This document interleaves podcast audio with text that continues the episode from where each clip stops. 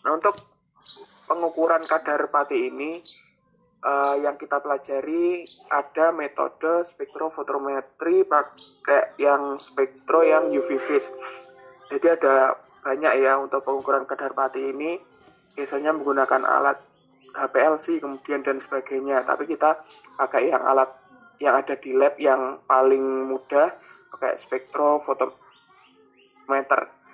Jadi analisis kadar amilos pada sampel ini dilakukan berdasarkan prinsip iodine binding atau pengikatan iodin di mana amilos akan berikatan dengan iodin dan menghasilkan kompleks yang berwarna biru Intensitas warna biru ini kemudian diukur dengan menggunakan spektro ultraviolet visible. Untuk yang praktikum, mungkin teman-teman sebagian udah pernah ya yang di SMA dulu atau di SMP, itu kalau misalkan pati ditetesi dengan iodin, itu akan berubah menjadi warnanya biru atau keunguan. Jadi itu yang akan diukur pada spektrofotometer. Nah ini untuk link YouTube-nya nanti akan saya bagikan di PPT. Dan untuk metodologi praktikum, untuk bahannya kita ada menggunakan singkong, kemudian menggunakan kentang, kemudian ada larutan KI atau kalium iodida, kemudian menggunakan aquades secukupnya. Kemudian untuk alatnya kita menggunakan tabung reaksi dan traknya tabung reaksi ini yang kita butuhkan ada uh, tabung reaksi ada enam tabung reaksi nanti uh, kita isi larutan pati ini dengan masing-masing konsentrasi perlakuan kemudian ada gelas ukur kemudian ada cuvette disposable kemudian ada cawan petri ada beaker gelas pipet tetes dan pengaduk, kemudian ada parutan dan saringan, ada pisau. Nah, yang paling penting kita pakai spektrofotometer. Nah, untuk cara kerjanya saya jelaskan secara singkat ya nanti untuk selanjutnya dilihat di video. Ini menyiapkan yang pertama adalah menyiapkan alat dan bahan, kemudian e, mengupas dan menimbang bahan. Jadi bahan yang tadi kan pakai kentang dan singkong. Jadi kentang dan singkong ini nanti dikupas, kemudian ditimbang masing-masing sebanyak 25 gram, ya terus dimasukkan di uh, petri dish, kemudian kita juga menimbang tepung, ger, tepung beras sebanyak 10 gram sebagai kontrol atau pembanding. Kemudian yang bahan yang kita timbang tadi yang 25 gram, yang kentang dan singkong ini kemudian diparut.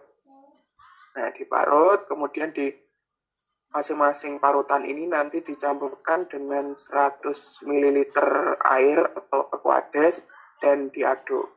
Jadi ada larutan singkong dan ada larutan kentang. Kemudian e, larutan ini masing-masing kita saring sampai ampasnya itu uh, pokoknya tidak tercampur dengan larutan.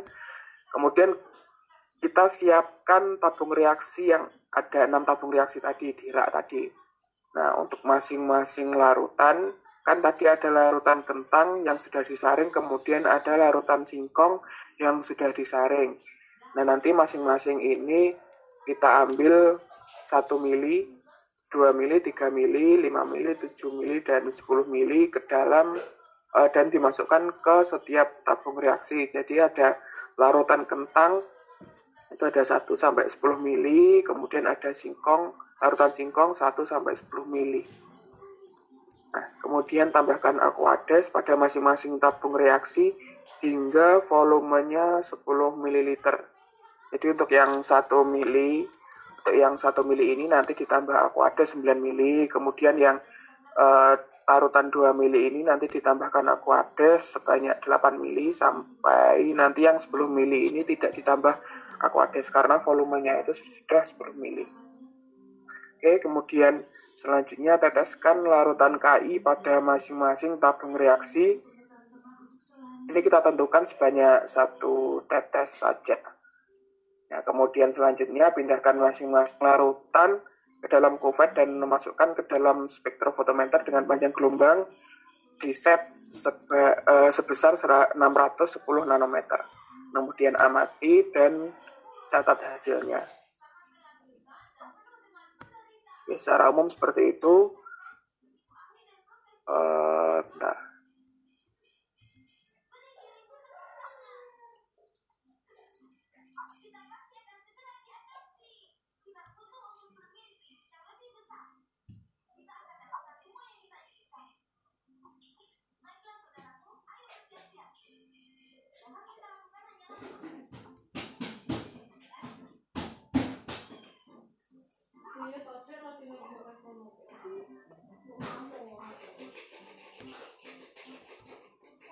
Udah kelihatan ya untuk tabel hasil pengamatannya. Sudah, Kak. Ya. Di sini ada eh, konsentrasi larutan. Di sini ada gram per mili. Nah, ini kolomnya, kemudian ada nilai absorbansi itu nilai yang uh, keluar dari spektrofotometer. Tadi kan kita pakai singkong, kemudian pakai kentang. Nah untuk yang pati ini sudah dilakukan oleh asisten. Jadi ada nilai-nilainya seperti ini. Kemudian ada persen kadar pati. Nah ini akan kita hitung ya masing-masing. Jadi untuk persen kadar pati ini rumusnya adalah S ke I min S 0 per R ke I min R ke 0 kemudian dikalikan C kemudian dikalikan 100 kemudian dikalikan 100 per berat bahan yang kita timbang tadi kemudian dikalikan P P itu adalah tetapannya 0,85 ya yang P ini nilainya jangan dibawa karena udah tetapan. Oke kita uh, langsung masuk coba ya ke perhitungan untuk yang RI misalnya kita kadar pati ini kita hitung masing-masing ya. Kita hitung untuk yang konsentrasi 0,01 jadi untuk yang kadar pati ini nanti misalkan di sini kadar pati yang 0,01 kalau yang ini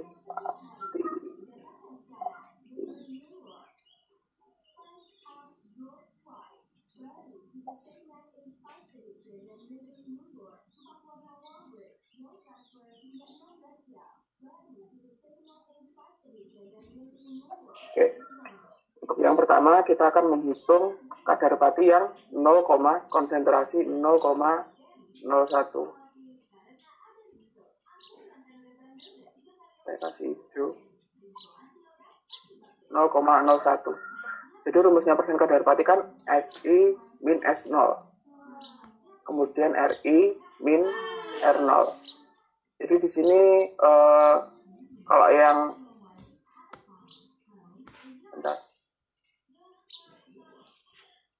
bukan yang ini.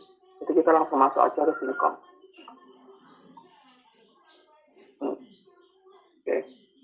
Kalau misalkan di sini kita kan udah uh, eh, SI itu adalah nilai absorbansi dari alat yang tadi alat yang spektrofotometer. Kemudian yang S0 itu adalah nilai absorbansi ketika di ketika iodin itu tidak ditambahkan apa-apa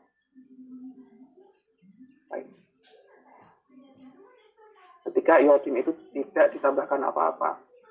Jadi ini 0,003 di sini adalah S0.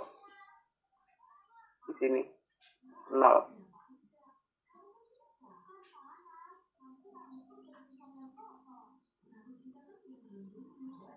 Catat ya.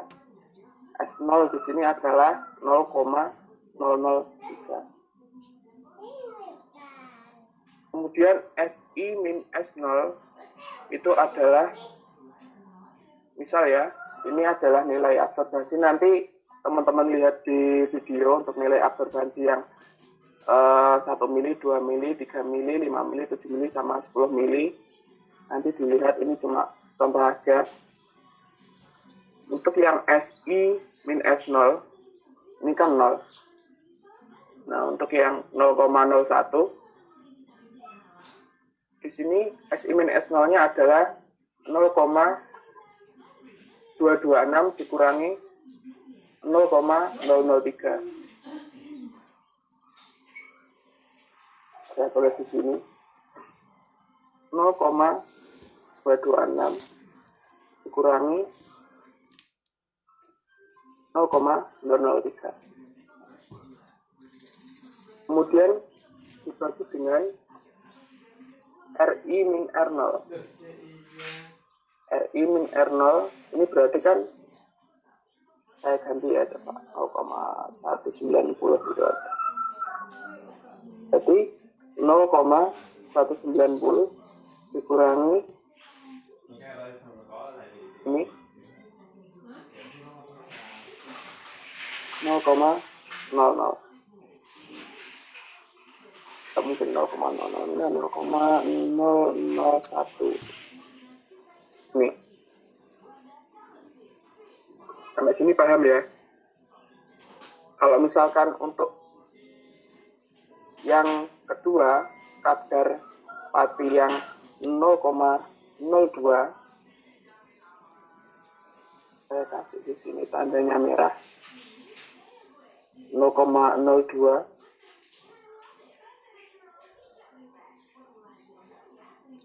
berarti SI min S0 nya gimana hitungnya? 0,573 dikurang Ya. 0,226 ya. Kurangi 0,03 deh. 0,003 karena eh, kalau yang S0 semuanya pakai yang paling atas ini yang konsentrasi 0 kayak gitu begitu kalau yang R nya sama juga kak yang 0,001 juga atau gimana? Kalau yang R nya sama deh yang ini dikurangi yang di atas ini. Dikurangi yang ini. Kan ini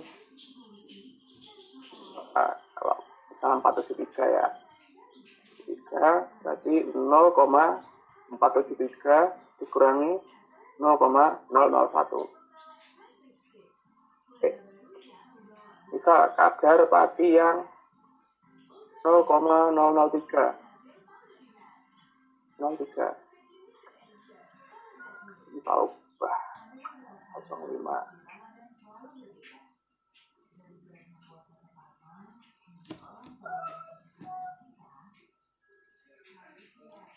tahu warnanya jadi biru. Ya gimana ini kalau untuk S. dikurangi 0,003 hmm. kalau yang R nya 0,605 dikurang 0,001 ya ya dah gitu pintar 0,003 ini di sini 0,605 dikurangi 0,001 eh ini sih untuk perhitungannya kayak gini. Nanti yang terakhir yang di belakang itu dikalikan ya yang C itu berapa kemudian dikalikan 100 P nya kan ini udah ada kan 0,01 kalau yang 0,02 ya C nya 0,02 kalau yang 0,03 C nya 0,03 kalikan 100 kemudian dikalikan 100 dibagi W W itu berat yang kita timbang tadi. Berat yang kita timbang tadi kan 25 gram di sini diisi 25 semuanya diisi kayak gitu.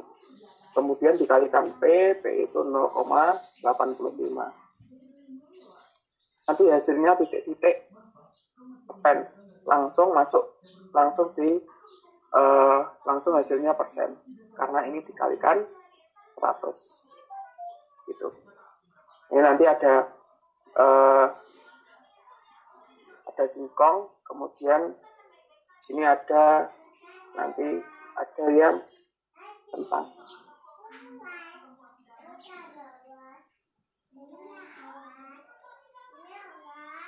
jadi singkong ada gimana dek Oh, maaf, Ya. mau nanya yang P itu Ya. ketetapan ya kak Ya, 0,85 Ya, Oh, jadi nanti 0,85. semua diisinya kalinya itu 0,85 gitu kak Ya, benar, benar. Oke. Ya, nanti kayak gitu. Ada perhitungan singkong, kemudian ada perhitungan kentang. Singkong nanti ada berapa banyak ada berapa perhitungan? Satu, dua, tiga, empat, lima, enam. Kemudian yang kentang juga ada enam perhitungan. Jadi nanti ada 12 perhitungan kadar pati ya. Nanti berapa persen? Disendirikan kayak gini aja, nanti dikerjakan di Excel nggak apa-apa. Untuk lapor, format laporannya eh, ada pendahuluan latar belakang tujuan manfaat ya seperti biasa. Kemudian ada pengertian pinjam pustaka 2.1 ada pengertian karbohidrat. Ini ada dua pengertian Indonesia, kemudian ada dua pengertian dari bahasa Inggris dan terjemahannya seperti apa. Kemudian ada fungsi karbohidrat, macam-macam karbohidrat, kemudian definisi pati itu ada eh, sama ya, dua Indonesia dan dua Inggris dan terjemahannya. Kemudian ada pengukuran kadar kadar pati ini menggunakan metode spektrofotometri UV nanti teman-teman nyari di sumber pustaka itu metodenya eh, seperti apa ditulis secara singkat aja karena ini tujuan pustaka. Kemudian eh, ada metodologi alat dan bahan. Tadi di PowerPoint itu udah ada atau nanti teman-teman lihat di, di video yang di YouTube. Ya kemudian ada langkah kerja kemudian ada eh, analisa perlakuan. Usah ada alat data dan kemudian ada langkah kerja. Kemudian langsung masuk ke bab 4 ya hasil dan pembahasan 4.1 ada tabel hasil pengamatan dan perhitungan Ya, jadi di sini nanti eh, tabel hasil pengamatannya kayak gini. Ini. Kemudian RI min R0 ini diisi semuanya, ini berapa. Kemudian ini juga diisi semuanya berapa, ini diisi semuanya berapa. Kemudian perhitungannya ditulis seperti ini di bawah di bawah tabelnya. Jadi nanti kadar pati ini sampai Darupati 0,05 dan seterusnya. Kemudian di sini ada kentang nomor nomor satu kadar pati 0,01 dan seterusnya. Nanti ditulis seperti ini. Nah, kemudian ada grafik dan analisa grafik. Nah, grafiknya itu seperti ini deh untuk sumbu X-nya itu ada volume larutan. Jadi volume larutan itu sama dengan yang ini ya, yang C ini ya, yang satu mili hasil paru- larutan hasil yang disaring tadi, yang diambil satu mili, itu sama dengan 0,01. Kemudian yang 2 mili sama dengan 0,02. Cuma ini konsentrasinya kan diubah ke satuan gram per mili, jadi tetap aja ini 1 mili, 2 mili, 3 mili, 4 mili, 5 mili, 7 mili, dan sama 10 mili. Ini ditulis semuanya di ini, di eh, X, di sumbu X. Kemudian di sumbu Y-nya itu nilai absorbensi. Nilai absorbensinya. Nilai absorbensi itu yang ini ya, Dek. Yang ini. yang SI yang nanti teman-teman eh, yang dari video YouTube itu kan terakhir mesti ada data pengamatannya nah itu data pengamatannya itu dibuat grafik terus kemudian ada analisa grafik jadi untuk analisa grafik ini nanti eh, teman-teman analisa ya. Nanti grafiknya itu kan mesti ada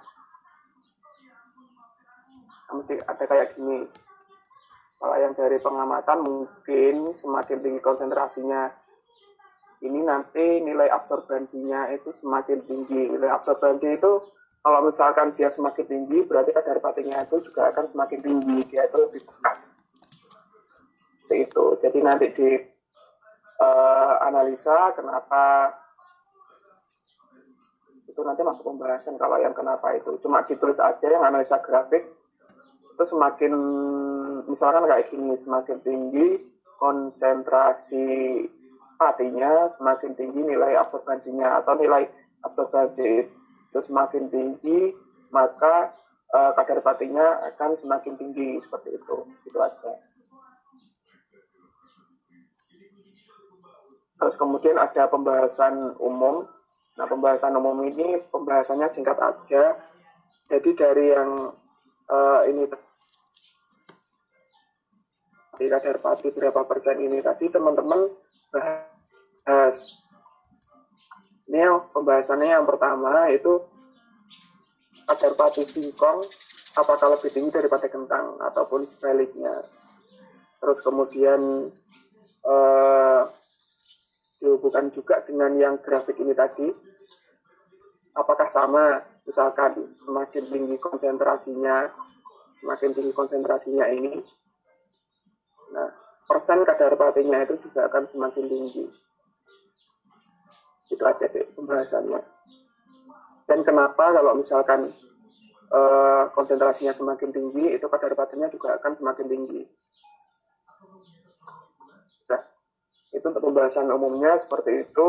Jadi nggak usah nggak usah panjang-panjang cuma diambil satu satu sumber aja dari internet terus kemudian teman-teman kembangkan sendiri soalnya untuk daftar pustakanya seperti biasa untuk lampirannya seperti yang dulu itu pakai satu jurnal acak yang teman-teman gunakan itu dilampirkan.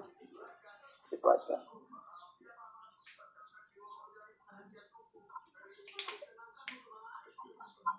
Uh, ada yang ditanyakan lagi